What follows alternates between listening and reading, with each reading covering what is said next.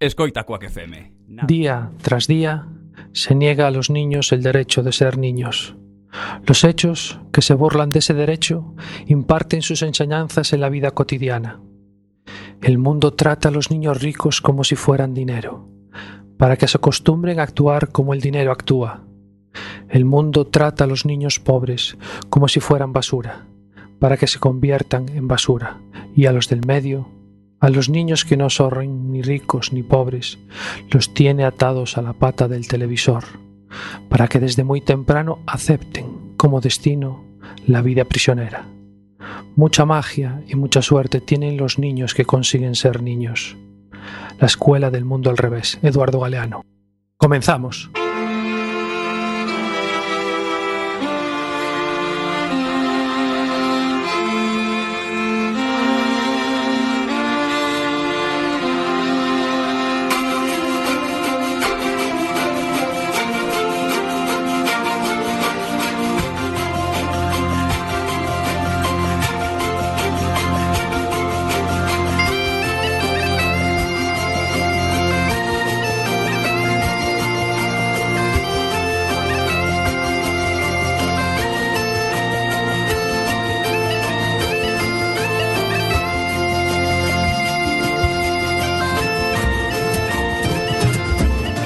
Benvidas, benvidos.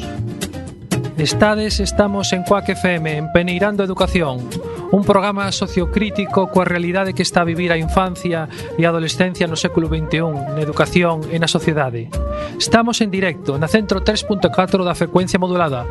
Tamén podedes escoitarnos en directo a través de internet na web de quackfm.org e cando que irades no podcast que tamén está na web de Quack FM, na ficha do noso programa Peneirando Educación ou instalando a app para smartphones ou tablets que tedes na web da propia emisora.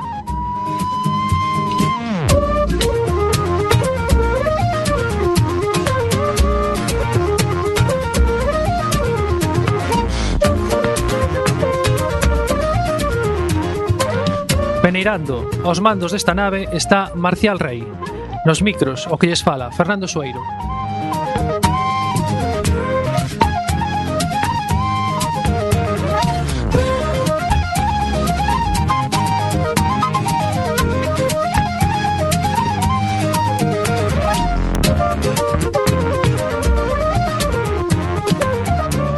No sumario deste segundo programa teremos a editorial A banalización da palabra Estivemos o día o pasado día 21 de setembro no Mar Auditorio de Vigo, asistindo ao terceiro foro da educación organizado polo Faro de Vigo.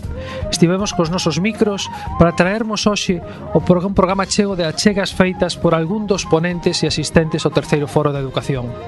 Achegas moi valiosas sobre o momento actual que está a vivir a educación, a infancia e a adolescencia. Para que isto todo fose posible, fomos convidados pola organización do terceiro Foro de Educación, celebrado o pasado fin de semana no Auditorio Mar de Vigo. En primeiro lugar, queremos dar as grazas á organización do Foro da Educación e concretamente a, a Bruno Rodríguez Castro do Faro de Vigo por acollernos e facilitarnos o noso traballo de difusión e divulgación sobre este foro e os ponentes existentes que ali se citaron. Grazas! Thank you.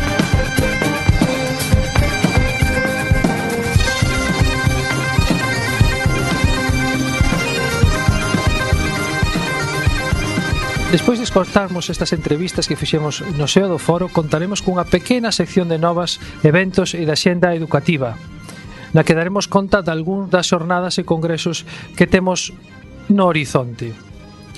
Sen máis, comenzamos coa editorial de hoxe, a banalización da palabra.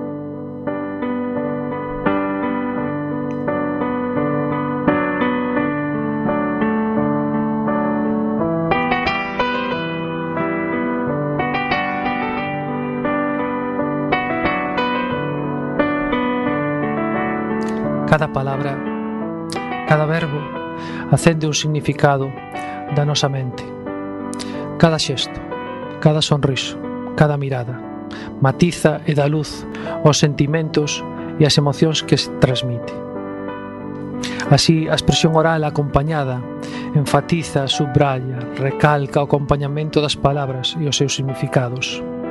A palabra e a expresión corporal coida, destrue, contagia, emociona, afunde, negativiza, positiviza. Di que somos e quen somos. Esta é unha das partes imprescindibles na educación dos máis pequenos. Existen grandes carencias de análises das palabras, xestos e contactos de pel que empregamos na educación nas nosas relacións como ferramentas educativas que deben ser de primeiro orde. Estas permítense portas de entrada á motivación do neno para estar interesado e atento a observar, manipular e modificar a realidade que lle rodea. É esta a linguaxe afectiva, é este o eixe motor da saúde do individuo. Porque non se analiza por enriba dos contidos, se é a de saúde. A función das palabras será a de activar as funcións neuronais que dean luz ás actitudes e valores humanos, así como a de comportamentos de autocuidado e cuidado do que nos rodean.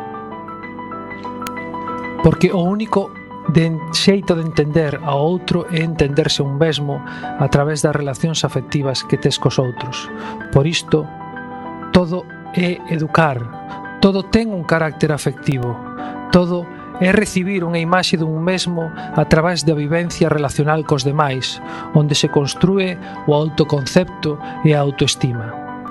A existencia, a vivencia, a experiencia dan o paso decisivo de vivir unha serie de emocións, de construir e facernos conscientes dos nosos sentimentos. Unha vez somos conscientes desos sentimentos que provocaron as nosas emocións quedan impregnados na nosa memoria de infancia, na, so, na nosa construcción de identidade e constitúense e conformanse en imaxes mentais a través das cales elaboramos os nosos pensamentos. Así se afirma dende a evidencia científica da neurociencia, na que existimos nos emocionamos e logo pensamos. Así o comprobou non foi tanto tempo Antonio Damaso en El error de Descartes. As actuais técnicas de exploración cerebral permítennos fotografar os circuitos cerebrais que se activan en función da actividade neuronal. Isto é a evidencia científica dun proceso de construción e evolución da consciencia da existencia de un individuo. O pensamento non só completa, culmina e perfecciona a emoción, senón que elabora ideas e teorías con vistas á supervivencia e á felicidade e precisa da aprobación das nosas emocións. Cando iniciamos este programa, fixémolo dende unha emoción que fomos razoando e agora esa emoción razoada lembrámola como unha razón emocionada. Esta nova visión implica andar con cuidado e cuidando de non perder a sintonización de individualidade dentro dun conxunto en pos dunha xeneralidade. A teima por construir e traducir a conducta do neno, do ser humano, en ítems, en métodos vendibles, en metodoloxías únicas, inescrutables e verdadeiras, porque están avaladas en nome da ciencia e da neurociencia, supón perder de vista o máis importante que é o cada un o cada contexto, o cada sistema relacional, o cada neno ou nena que se desenvolve e que produce interaccións diferentes e diversas en función aos axentes implicados nese contexto realidade e da interacción cultural na que este inmersa cada individuo. Parece que sendo moi importantes as achegas que está facendo a neurociencia é preciso avisar de non caer na obsesión por traducir e mastigar a vida en ítems e nas en instruccións a seguir para ser aplicados a todos e a cada un de nós xenéricamente. A vivencia e a experiencia conleva sentimentos que nos fan ser conscientes de estar vivos, fannos conscientes do aquí e agora, con outro, coa terra, coa auga, coa natureza. O contido cognitivo ven despois a consciencia de existir no medio que lle rodea a través de enriquecer as vivencias e experiencias é o fundamental. Estas son as bases para construir unha infancia, as bases para dar imaxes reais aos contidos abstractos para dar unha infancia curiosa, interesada, implicada, activa, decidida, A sustracción da vivencia supón a, a banalización das linguaxes. Estamos en tempos de moitas palabras, e cada vez menos vivencias reais. Isto resta, divide o sentido da linguaxe e da vida en algo artificial, dándolle un valor cero á linguaxe como elemento ligado ás accións. Por iso, se isto non está presente na educación, construímos con carencias. Faltaría o fundamental, poñer aos nenos a entender a vida a través da observación, da interacción, da imaginación, de proxectos, do propio neno. Senón, soamente se producen fobias, medos a vivir, ao contacto relacional e afectivo, que precisamente é o que nos alimenta para seguir vivindo e evolucionando como especie que comporte valores relacionais dentro do coñecemento da vida, A ausencia disto é patoloxía. Temos que preguntarnos como educadores de novas xeracións que queremos evolucionar, cara onde queremos evolucionar e como queremos evolucionar. Por iso, as palabras teñen que recuperar o seu significado, a potencia do seu significado a través das accións. Unha palabra non precedida de acción ou unha palabra non finalizada cunha acción carece de significado relacional emerxente para o outro. Soamente é unha palabra máis que se deixa de escoitar. Da acción ao pensamento. Vygotsky.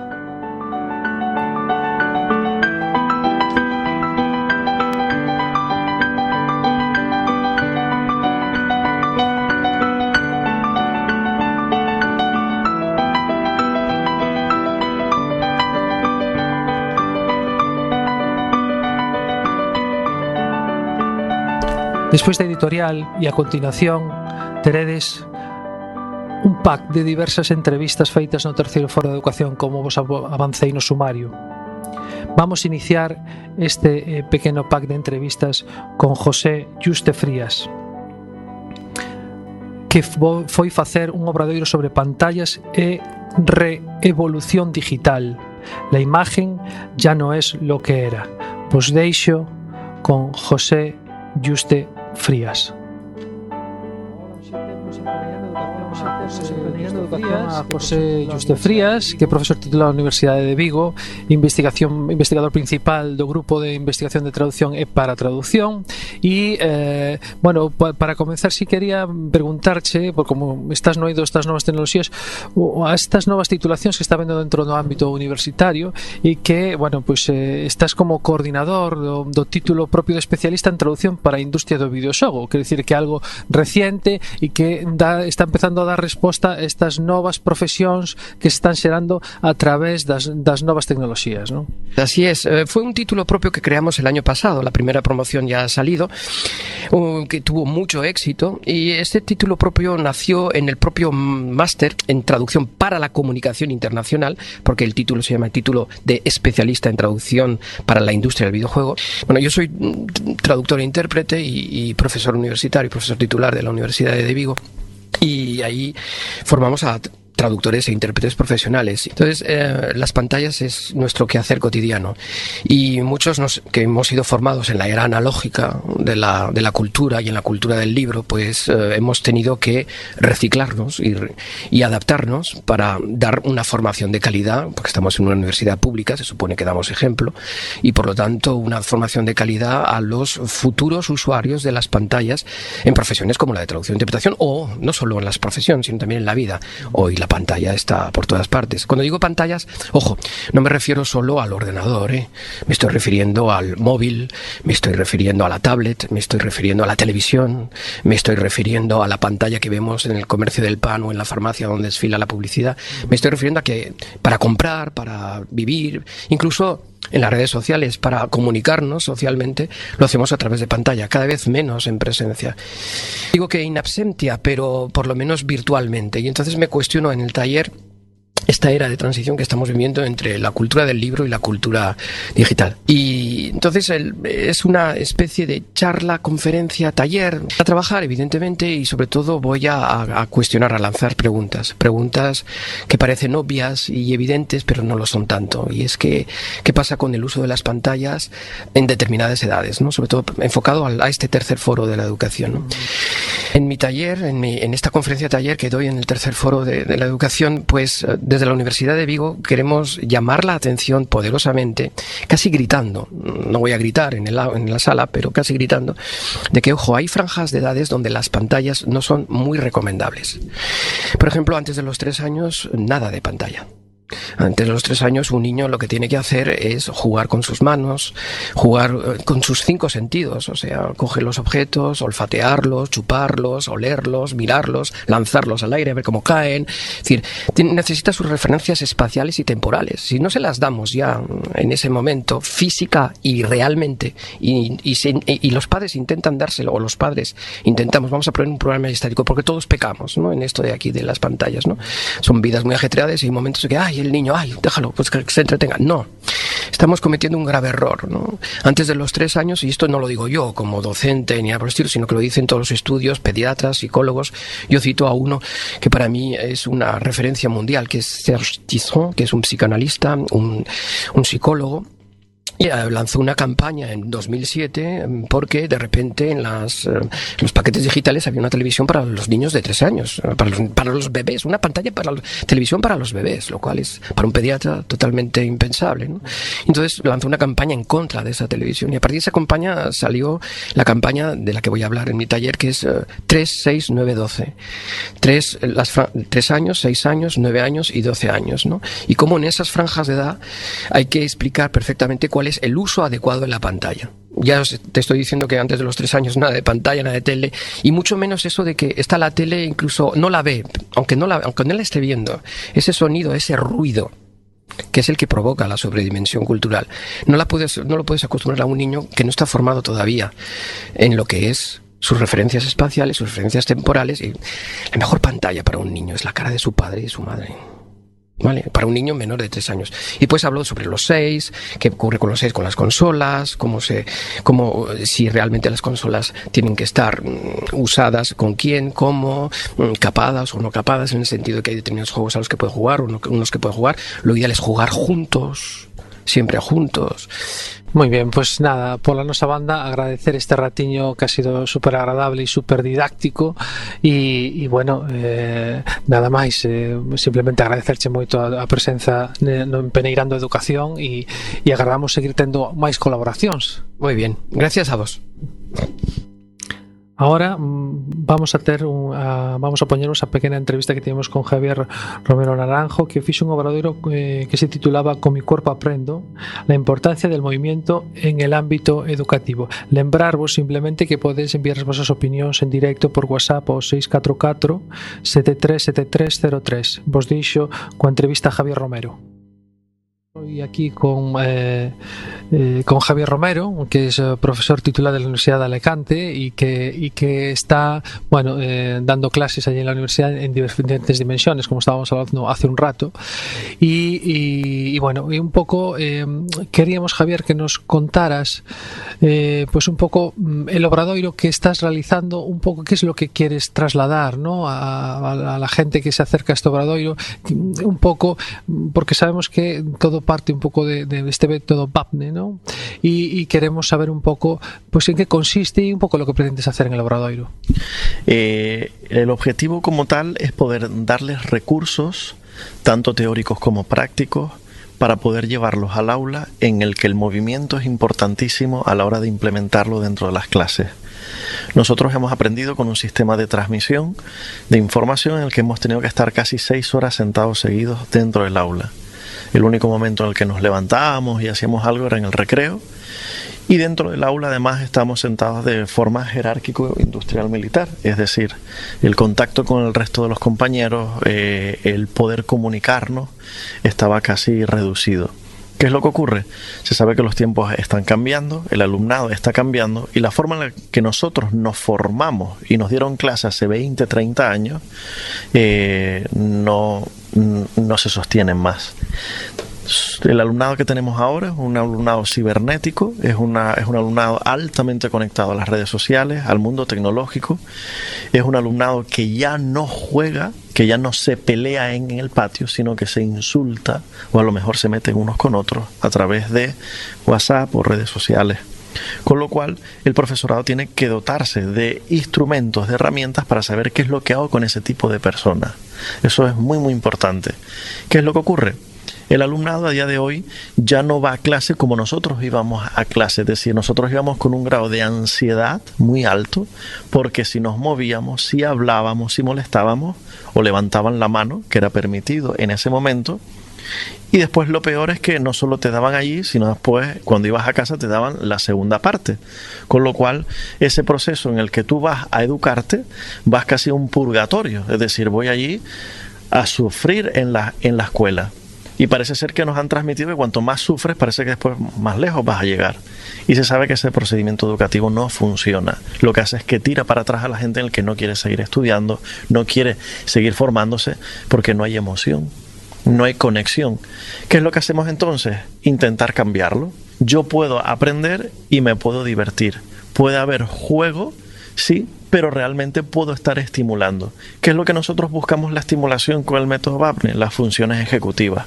Porque cuando hablamos con el profesorado, siempre te dicen, vemos dos grandes problemas. El primero de ellos que es la dispersión. La clase dura 50 minutos, pero no están atentos los 50 minutos. Sí, están atentos 10, 15, pero después pasa algo en el que después ya se pierde. Hay muchísimos estudios que dicen el por qué. La exposición a las redes sociales, a los anuncios televisivos y demás. Si nosotros vemos eh, los vídeos que hay en Facebook, es decir, ¿cuánto dura un vídeo? Dos minutos, las melodías que nosotros escuchamos de Justin Bieber, de Adele, de bla, bla, bla, sí, no llegan a los tres minutos, porque se sabe que la capacidad tensional alta se ha reducido cada vez más. Las nuevas composiciones de los nuevos famosos cantantes de ahora, lo que es el estribillo, lo ponen lo antes posible, porque entonces en YouTube ya no cuenta la audición que yo estoy realizando. Es decir, es la manera de yo enganchar. Mis procesos de dispersión han aumentado mucho. ¿Qué es lo que ocurre? Que se sabe que en televisión, sí, cada 15 minutos, ¿qué es lo que ponen? Un anuncio televisivo. Y suben el volumen, ¿hay para qué? Para que no me marche para que yo lo siga mirando. Todas esas cosas que es lo que hacen nos afectan muchísimo en nuestra vida diaria.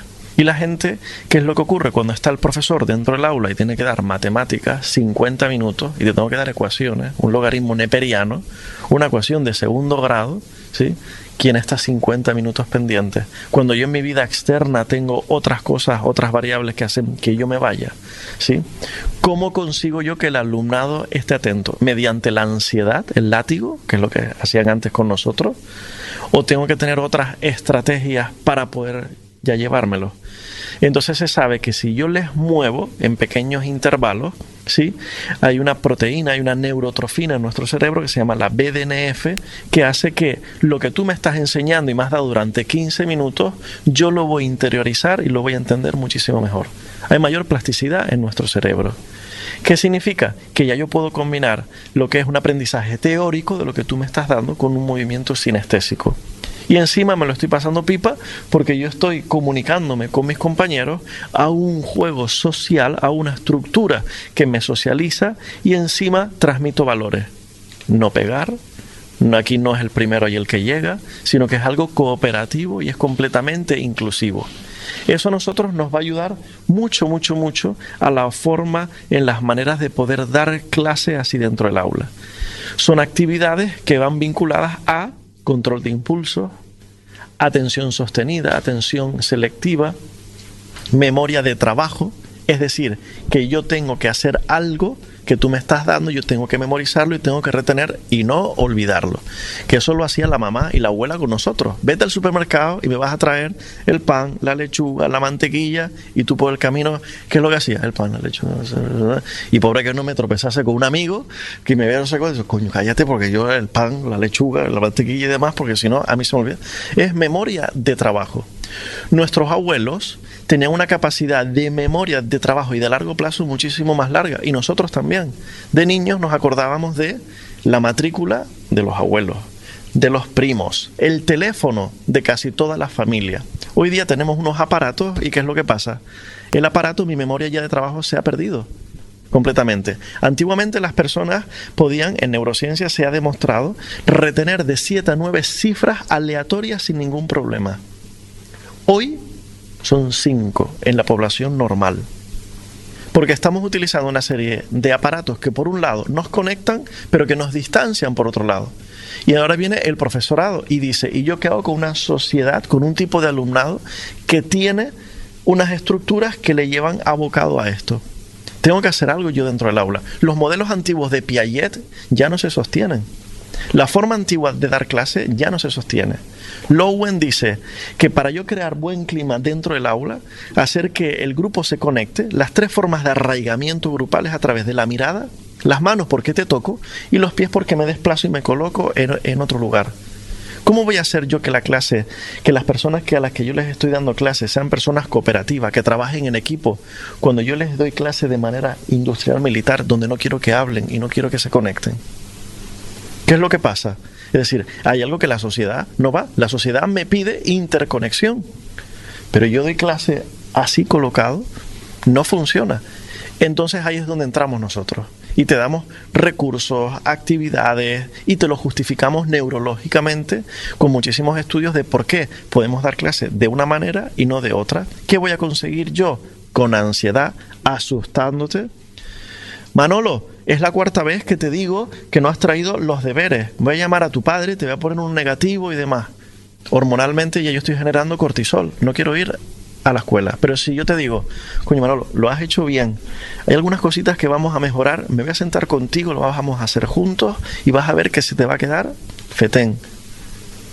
El alumno te mira con otros ojos, de otra manera. No hay una distensión. ¿Qué significa?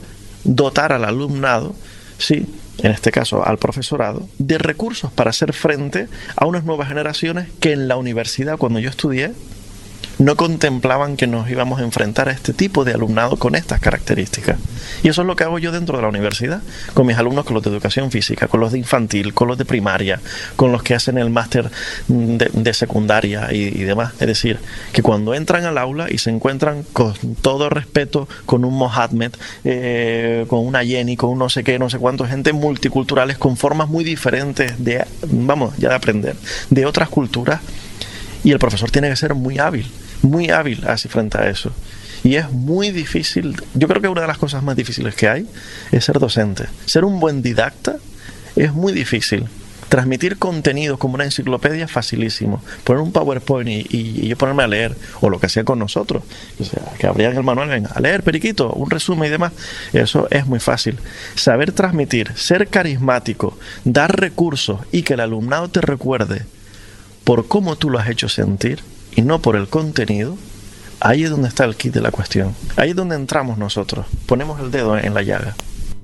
Muy bien, Javier, pues muchas gracias, muy interesante este método y sí que para, para la gente, para que lo sepa, eh, me decías que hay una web donde pueden ver un poco de en qué consiste esto. Correcto, sí, la, la web es eh, www .metodobapne.com y ahí tienen muchísima información, la justificación, incluso está traducida a muchos idiomas porque damos mucha formación en Japón, en Estados Unidos, Italia, Suecia, Noruega y, Latinoamérica también. Un placer. Muy bien, Javier, pues muchas gracias por estar en Peneirando en Educación. Gracias. Seguimos eh, en la siguiente entrevista con Sergio Clavero que fixe un obradoiro co título de Alfabetización cinematográfica en las aulas. Educar la mirada. Vos deixo coa entrevista a Sergio Clavero. Estamos hoxe en Peneirano de Educación, estamos con Sergio Clavero, eh, que é profesor eh, asociado á Facultade de Ciencias de Educación, concretamente no Departamento de Didáctica e Expresión Plástica, e tamén pois, deu clase eh, da clase no, no IES de Cacheiras, non? en Artes Plásticas. Eh, Sergio, estamos aquí no terceiro foro de educación. Eh, bueno, está sendo unha xornada de reflexionar sobre moitas cousas e moitas temáticas. E, e unha do, dos obradoiros, non? un obradoiro que ti das, está máis centrado no, na, na linguaxe cinematográfica. Non? Podías explicar explicarnos un pouco eh, que o que queres facer no Obradoiro, que cal é a reflexión que queres trasladar? Bueno, quiero trasladar un poco la experiencia eh, que llevo a, a, lo largo de estos 12 años con el proyecto Atuluso Films, trasladar la experiencia de alfabetización cinematográfica, de, de, su necesidad, del contexto y de las metodologías y los contenidos que considero que podrían ser eh, válidos para que entre el alumnado, digamos, utilice el lenguaje como un medio de expresión y comunicación. Recogiendo unha das cosas que decías ao principio de, de conversa, eh, decías que somos que son productores hoxe en día porque teñen ferramentas para un produtores de arte, non? Eh, bueno, de arte, de, en todo caso, de, de producións que poden chegar a ser arte, non? Pero, quer dicir, que teñen na súa, na súa man eh, ferramentas que lles axudan a elaborar, non? Eh, polo tanto, poden ser ferramentas moi interesantes desde un, desde un punto de vista didáctico, non? Eh, nos poderías decir eh, eh, ou algún proxecto no que estiveses ti ou que coñezas donde, donde se empreguen estas ferramentas como un elemento donde o neno coñeza pois eh, bueno, pois que xeren novas destrezas, novas habilidades e que se traballe ese gusto, como decías ti, polo contido, non do que queremos facer. O neno grava, fai, pero despois ten que haber alguén que lle axude a pois eh, educar ese gusto, non? Mm, nos poderías dar algún exemplo ou algunha idea a ese respecto? Bueno, es muy difícil sintetizar, ¿no? Porque engloba algo eh, bastante complejo. Eh, porque eh, considero que se debe trabajar como un lenguaje. Un lenguaje, por lo tanto, que sirve para expresarse y para comunicarse. Y, y, desde ese punto de vista, de una manera global, ¿no? Con la capacidad de conocer cuáles son los elementos gramaticales, por decirlo de alguna manera, que intervienen, ver cómo se construye un relato, un mensaje con esos elementos, pero también la capacidad de ver y hablar de lo que se ve de una manera normalizada, no se trata de acertar eh, con una respuesta, sino que simplemente cada uno habla un poco de lo que ha visto y, aquello que le ha llamado la atención. Eh, a partir de ahí, de, ese, de, esa manera de ver creativamente cómo se ha hecho ¿no? y cómo lo podría hacer yo incluso, eh, pasar a, otro, a, otra parte ¿no? del conocimiento de cualquier lenguaje, que es la parte de creación. ¿no? Pero estableciendo la creación, eso como un lenguaje. Entonces ahí, por ejemplo, lo que eh, sirven la, las, los medios digitales, lo que nos permiten hoy en día, es que nos han facilitado completamente el desarrollo de cualquier tipo de producción cinematográfica, audiovisual, como queramos llamarla, y por lo tanto ya no son un problema. ¿no? Con un, sabemos que con un dispositivo móvil podemos hacer toda la producción, la grabación, el montaje, etcétera, etcétera. Pero ¿qué aporta un proceso creativo cinematográfico? Pues aporta todo un proceso que al final es de desarrollo de pensamiento y de desarrollo de la creatividad, independientemente de que pueda tener un componente más artístico o no, permite la reflexión, permite el trabajo en equipo y la colaboración, eh, permite la investigación y la documentación, enseñar a, investigar, a, la búsqueda de información en Internet, a su selección, a su síntesis. Tiene una cantidad de, de, de posibilidades. Además, si a eso le añadimos que podemos tratar cualquier tipo de conocimiento, cualquier, desde cualquier área de conocimiento, para tratar cualquier tema, tanto desde el visionado como desde la creación. Pues permite al alumnado, por ejemplo, pues conocerse mejor a sí mismo, eh, expresarse, que los demás eh, conozcan sus inquietudes también, sus maneras de hacer, que ellos mismos descubran talentos, ¿no? Y el, el método de trabajo es un método de trabajo como cualquier otro tipo de trabajo, ¿no? Eh, lo, que tenemos, lo que tenemos que hacer es, como docentes, generar una estructura y un diseño de contenidos y temporal y una planificación que les permita a ellos desarrollar de manera original y creativa todo el proceso donde el docente lo único que hace es eh, un ejercicio de guía, ¿no? De acompañamiento, de trasladar ciertos contenidos, de ampliarlos, teniendo reuniones con ellos y acompañarlos en ese sentido. Es decir, nosotros estamos un poco al margen ¿no? de la autoría de esa obra, con lo cual hay una gran diversidad donde todos aportan, digamos, eh, parte de su personalidad, de sus maneras de entender ciertas realidades, aprenden unos de otros. Es decir, es bastante complejo, pero lo que aporta educativamente es que ayuda a hacer un trabajo en el que, eh, digamos, que entran en en funcionamiento todas las competencias, realmente todas las competencias y de manera profunda. Entonces, bueno, explicarlo así sintéticamente es muy complicado, ¿no? Pero de alguna manera es una herramienta porque engloba muchos, muchas competencias, muchas áreas de conocimiento, muchas posibilidades, unas metodologías activas que pueden ser individuales o colectivas, ¿no? Y que tiene todo el, digamos que cierra todo un proceso de construcción que llega, que acaba en un objeto final, ¿no? En una obra que va a ser visible, ¿no? Eh, también con problemas y con errores, pero de los que se va a aprender en todo ese proceso, ¿no? porque debe, debe ir acompañada de una evaluación, diga, digamos, continua, formativa, ¿no? donde vamos viendo a través de reuniones periódicas ¿no? cómo vamos dando los sucesivos pasos y, y, y cómo dar el siguiente. ¿no? Pero siempre eh, dejando al alumnado con autonomía y trasladándoles la responsabilidad del trabajo. Muy bien, pues para eh, sintetizar, está muy bien sintetizado porque de verdad que nos acabas de aportar un montón de, de claves y de lo que supón un proceso, y en este caso un proceso de creación cinematográfica, ¿no?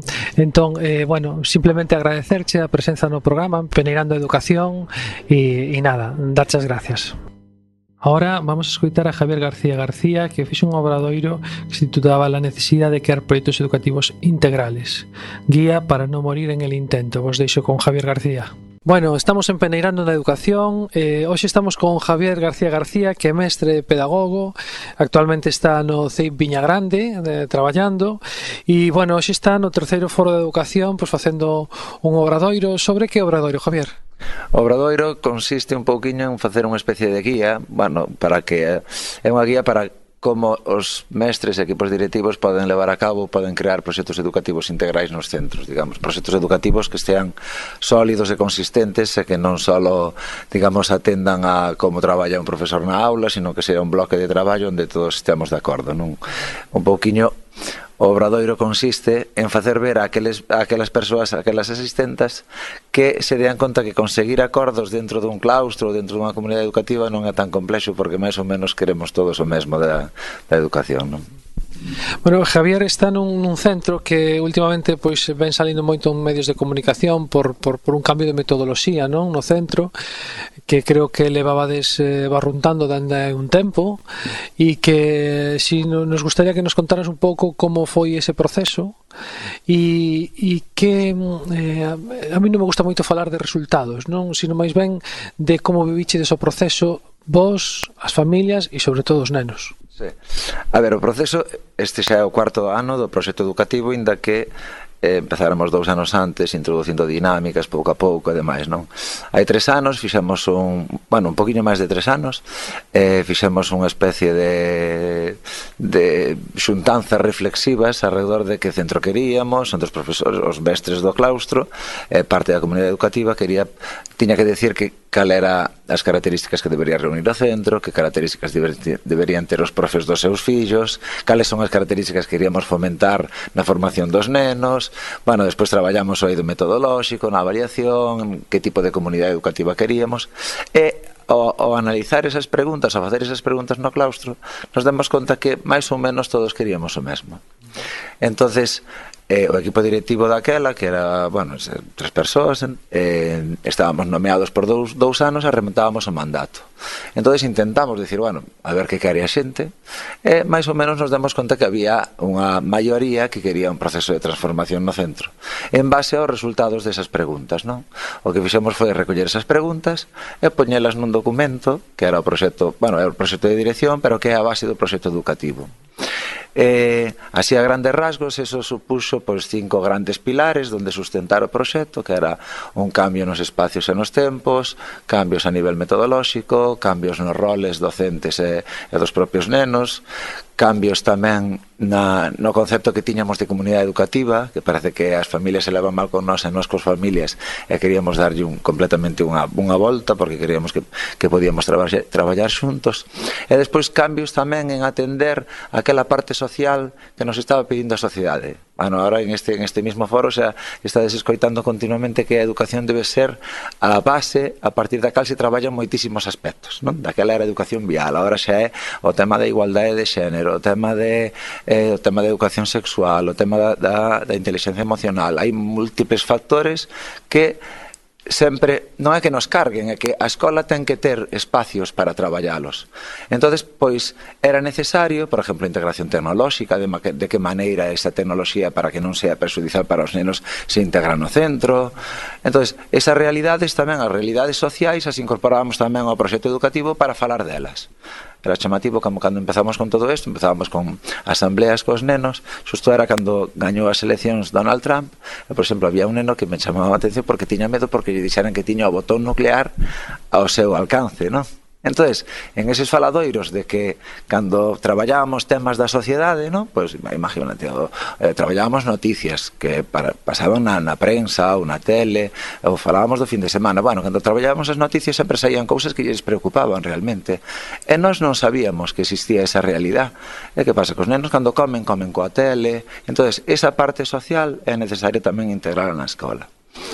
Despois, con, des, con respecto aos resultados, empezamos a darnos contas que, un, a nivel de convivencia mellorou moito o cole, porque os nenos tiñan que traballar claro, a modificar os espacios, os tempos. Despois había unha máxima que era o neno ten que ser achegarse ao contido para facer algo con el. Que tiña que ser creador. Eu podo che dar eh, as características dos, dos animais vertebrados e invertebrados, pero ti tens que facer algo con eso.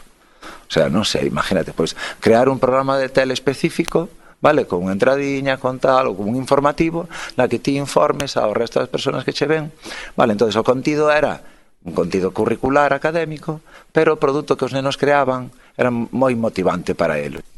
Moi ben, Javier, pois moitas grazas por estar en Peneurano de Educación e, bueno, animarche que continuedes por, por esa senda e, e, bueno, e sobre todo valorar moito unha cousa que dixeches ti eh, no primeiro foro que bueno está por aí por YouTube e creo que son dous elementos moi importantes que é a vontade e valentía, non?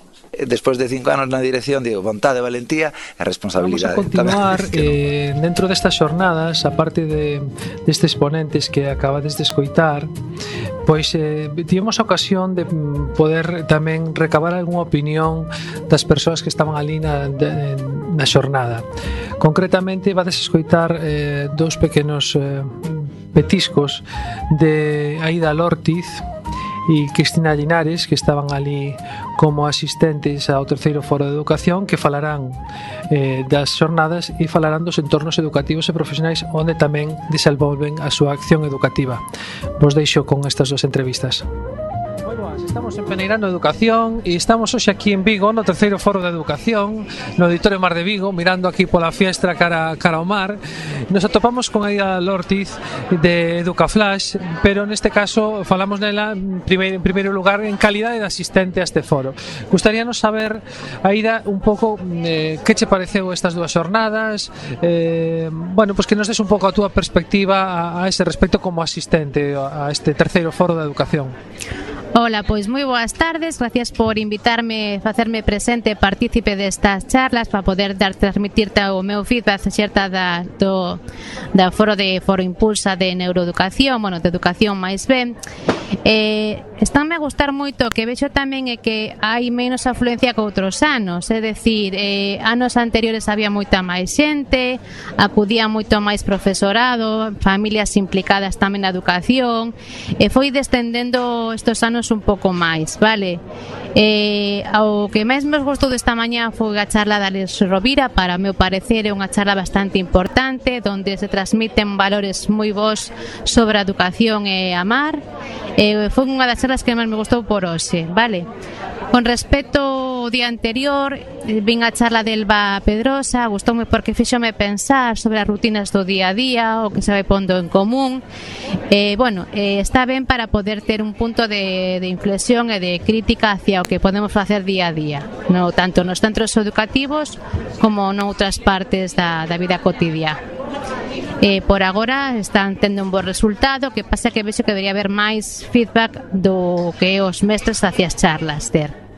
Porque como, claro, como que ves ti que, que iniciativa ou que solución habería para un pouco ter esa, esa parte non de, de como realmente nos influiu esa formación e como despois podemos poñela en práctica para ver si avaliando esa situación pois podemos mellorar o que estamos facendo ou bueno, ou tirar por outros camiños, ¿no? Pero en todo caso ver eh, realmente na práctica como podemos poñer en, en práctica, valga a redundancia, todos esos coñecementos que vamos acumulando, ¿no? pois analizando un pouco o que estivemos a ver, vendo se é práctico ou non é práctico, se só é teoría, eh, analizando cos demais compañeiros, pero bueno, penso que tamén sempre nos formamos os mesmos, sempre acudimos os mesmos, cas mesmas inquietudes, e que hai que tirar de outro tipo de xente para poderse tamén convivir nestas, nestes foros. A que te refires? Adoptar como posturas máis de eh, neuronas espello, é dicir, se ti contase aos demais, os demais acaban vindo tamén, non un pouco esa miña postura, digamos, chegar eh, trasladar ao teu equipo que foi bonito, que foi eh, algo cercano, que ti o viviches, que animes os demais que están no teu equipo a formarse tamén, non só que o teñas para ti e non o compartas. Que chegues ah, así fun as xornadas e que o digas de forma pasiva. Se ti chegas con aires novos, con aires de transmitir, de comunicación aos teus compañeros, aos teus compañeros quizás por eh, curiosidade ou a non seguir alguien te acudan. e non sempre nos formemos os mesmos. Uh -huh. Ti antes nos contabas fora de micro que eh, estás nunha plataforma que se chama Educaflash, non? É unha plataforma de pedagogías alternativas, si, sí. si mal non apuntei, non? Sí, sí, sí. E, e un pouco que, que estades facendo dende Educaflash? Bueno, pois pues desde Educaflash proponse formacións tanto a maestres, educadores e profesorados abordando unha boa calidade educativa, sobre todo no, no ámbito da educación para familias que queren tamén coñecer un pouco máis as pedagogías fantasías activas, trata de nutrirse e aportar unha nova visión hacia a educación. Bueno, pois pues, Aida, moitas grazas por Gracias a vos.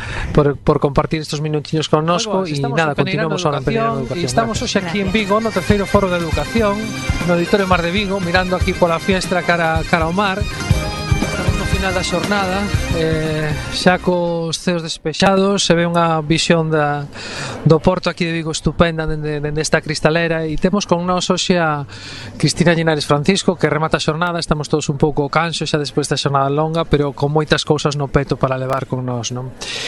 Eh, eu non quería rematar esta xornada sin, sin poder ter unha mínima conversa con Cristina que compañeira dende fai moitos anos eh, na que compartimos eh, mm, traballos xuntos e agora, bueno, pues estamos en, en, en postos distintos, pero baixo a mesma rede que son as escolas da, da Galiña Azul. Pero, mm, máis alá deste aspecto, quería empezar, Cris, eh, por preguntarche eh, en relación ao que vemos de facer hoxe, non? O ámbito da formación para os profesionais, non? Eh, que, que che pareceu, que che inspirou de hoxe do foro e, e que valor lle das a formación no traballo diario dos profesionais das escolas infantís e, e de calquera centro educativo? Ola, Fer, en primeiro lugar, eh, felicitar por esta iniciativa e eh, agardo que teñades pois moitos pulos e eh, moita continuidade neste traballo de visibilizar o que é a infancia e todo o que con ela está relacionado. Este é o terceiro, terceiro ano que veño e oxalá poda continuar vindo, que se siga manteña, mantendo esta iniciativa porque un, aínda que sai moi canso, como estamos agora todos, eh, sinte que, que ve reforzado a súa idea de educación, que colle forzas para continuar no camiño, e eh, considero que é fundamental que todos nos vayamos eh, renovando, eh, reciclando e aprendendo a desaprender, porque moitas veces daste de conta que quizás esa o camiño máis difícil, como dixo un dos ponentes, Javier Tourón, e que coincido moitísimo porque que ese é unha das pedras máis grandes que atopamos no día a día. E, e, e, o difícil que é deixar de facer o que levamos moito tempo repetindo. E por iso, bueno, pois eh, sentes que, bueno, que realmente eh, vas no camiño e que hai xente que vai camiñando contigo e, bueno, é moi reconfortante. Bueno, eh, sí que unha das cousas tendote aquí no programa, Cris, que non quería deixar de pasar a ocasión en que falemos falemos un pouquiño do 03 e que falemos dese primeiro chanzo do sistema do sistema educativo, desa primeiro ciclo de educación infantil e que leva pois eh, pois dende hai máis de 10 anos pois que boi, pois con extensión e, e que cada vez colle máis pulo, non só en Galiza, sino a nivel estatal, non? Como está o 03 ahora mismo? Ti que estás no día a día na escola e que tes unha experiencia ampla nese sentido, como ves o 03? Que crees que son os nosos obxectivos ou as nosas metas eh, nos vindeiros anos e que nos fai falta? Bueno, eh, se falamos de 03 é moi difícil falar pouquiño, entre outras cousas porque é moi pasional, é moi vocacional, é moi difícil concretalo en poucas palabras, Fer. Pero sinceramente penso que mm, o que sentimos, os que, bueno, vou falar en primeira persoa porque o meu sentimento quizás se xa compartido por todos, o que sentimos é que necesitamos facer moitísimos máis esforzos dos que fai o resto da comunidade educativa para ter certa visibilidade que penso tamén, son optimista, que cada vez somos máis os equipos que empezamos a entender un pouco máis o que é o 03 e intentar de deixar imitar outras etapas e intentar loitar por unha identidade propia. Eh, vámoslo vendo e tamén creo que mm, é importante entender que o, o camiño facemos nós e que somos nós os responsables de que se produzca ese cambio, que non podemos esperar dende logo polas administraciones porque entonces non haríamos ningún cambio e porque debemos realmente eh, apostar por nós mesmos para que a infancia teña outro contexto diferente ao que leva tendo dende hai anos. Moi ben, pois eu non quero tampouco roubar máis tempo a esta xornada longa e que estamos cansos e bueno, agradecerche este ratiño que esperamos que podamos prolongar Podemos noutro momento. noutro claro. momento con máis tempos e bueno, pois eh, seguramente que será moi enriquecedor e que, e que nos axudará a todos tamén a aportar máis ao que ao que a educación do 03 ten que ser. Bueno, pois Moitas nada, gracias. nada a ti, Cris, a ti, a ti, amiga, a ti. E nada, nada, despedimos un pouco, finalizamos así o programa do terceiro foro de educación. Así rematamos esa xornada de do terceiro foro de educación e agora vos deixamos coa sección humorística, un petisco de humor de Dani Rovira. Y luego investiga también el, el tiempo de ocio. A mí me interesa saber los niños en qué invierten su tiempo de ocio. Y yo lo he investigado, por ejemplo, con los niños de campo. Gracias a mi primo, ¿vale? Mi primo es muy de campo, él es muy bruto, pero muy bruto, muy bruto. Y me acuerdo, nos fuimos a una excursión allí unos 15 días a Senegal, allí a visitar las tribus estas, las tribus estas indígenas que van con el taparrabillo, bueno, taparrabillo, tapa extintores, ¿no? De estos que llevan de estos que llevan aquí en el labio de abajo como una especie como de platito. Fijaros si era bruto mi primo. ¿Sabéis qué fue lo que hizo? Le metí un CD en MP3 a ver si lo. Dice, hombre, por favor. Claro. Y los niños de campo, como no tienen enchufe, ni PlayStation, ni hostia, los niños de campo hacen actividades como, por ejemplo, escalar el monte con la boca, eh, lanzamiento de bombona de butano indoor, pelamiento, digo, chumbo sin guante. Pero sobre todo hay una actividad que a los niños de campo les encanta, que es el tema de matar bichitos. Yo será porque me he criado en ciudad, pero es que a mí me cuentan estas cosas y se me abren las carnes. Open my meat, de verdad, ¿eh? Mira, me empieza a contar mi primo y dice, nosotros pequeños cogíamos los escarabajos y le separábamos la cabeza del cuerpo así de rosca, porque es de rosca. Digo, un detalle ¿eh? con el escarabajo, un detalle. Le separábamos la cabeza del cuerpo y se quedaba ahí como una especie de corbatita. Y dice, bueno, ¿y luego qué? Pues coge otro caracol, yo qué sé. Ya está. Y luego decía, nosotros, no, no, hay más, hay más. Decía, no, nosotros en pequeños cogíamos los palomos, le abríamos la boca, lo metíamos en el grifo, palomo, palomo, palomo, palomo, palomo, palomo, palomo, le hacíamos un nudo en el pescuezo y teníamos globos originales. Hombre, por favor.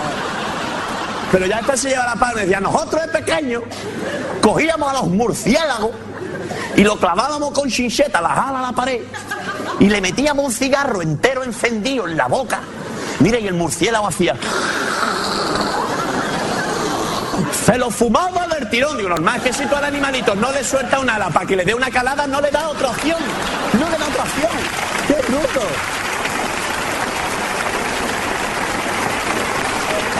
Y luego, y luego me he puesto a investigar en qué invierten su tiempo de ocio los niños de ciudad.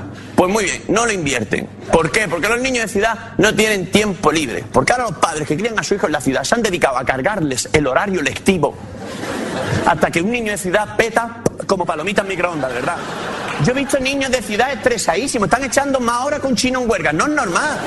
Niños de 7, de 8, de 9, de 10, no, pero de 11 que se están echando a fumar para tener derecho a salir 10 minutitos fuera, eso no hay derecho.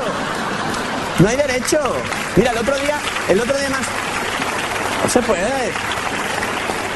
El otro día me asomé al, patio de luces de mi, bloque, donde estaban las dos vecinas asomadas, las dos vecinas legendarias, la Puri y la Carmen. Y está allí, la, la Carmen está allí. Dice la Puri, Puris, ¿qué pasa? Dice, ¿cómo te va? Dice, "Ah".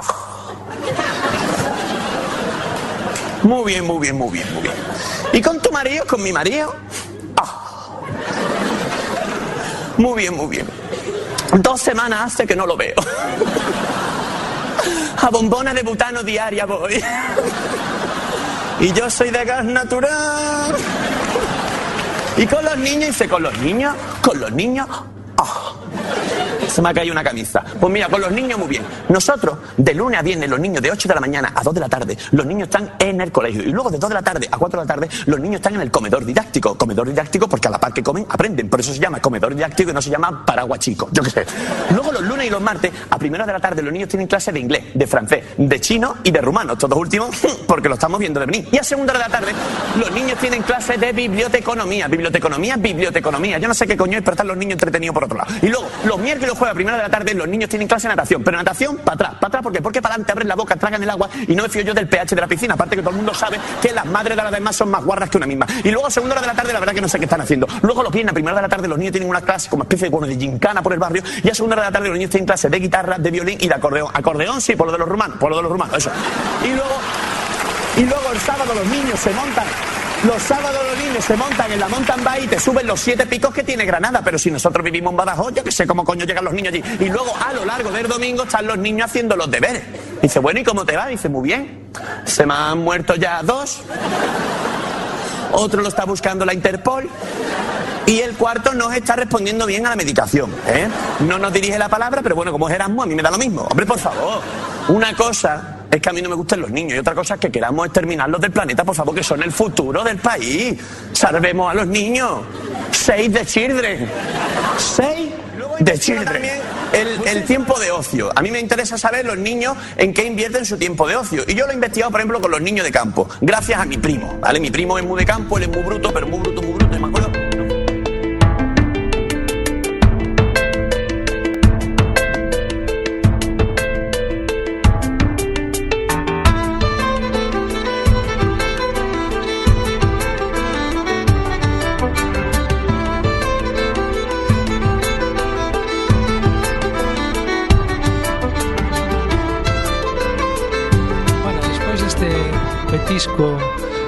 amor eh, Estamos xa rematando o programa Chegando ao final deste segundo programa de Peneirando Educación E queríamos simplemente dar dous pequenos eh, retazos En relación á xenda de eventos formativos que, bueno, que está empezando a ser moi moi intensa. Eh, Hoxe, eh, durante este fin de semana celebrouse eh, na zona do Baixo do Valmiñor eh, pois das segundas xornadas da natureza e da infancia. Eh, seguramente eh, foron dous días cheos de experiencias e, sobre todo para reforzar a importancia de vivir e xogar na natureza. O que podemos ler que o que a idea era pois ter charlas, visitas, espacios de xogo, obradoiro, seguro que foron dúas xornadas ben, ben productivas, sobre todo coa idea do neno, da infancia e da natureza.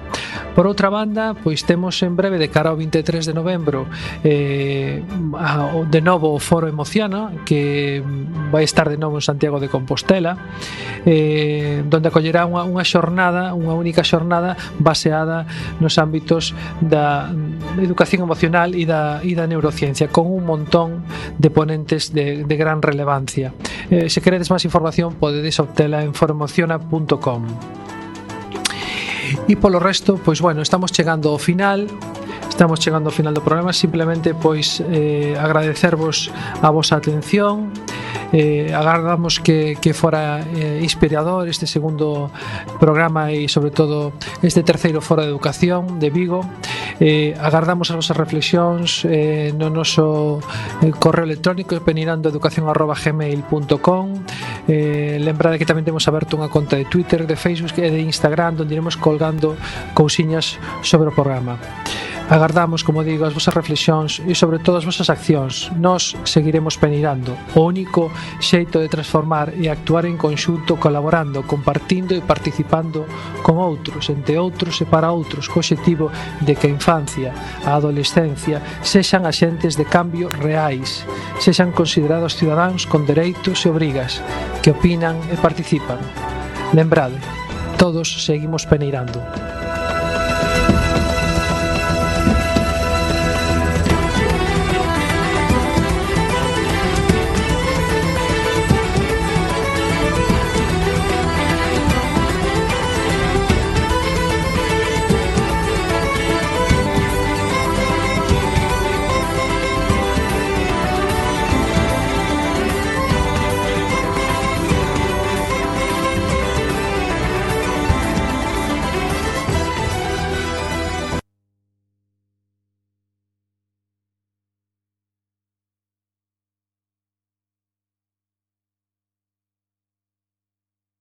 Thank you for hanging in there. Want a little taste of gin, but I guess we better do something clearing. You are the.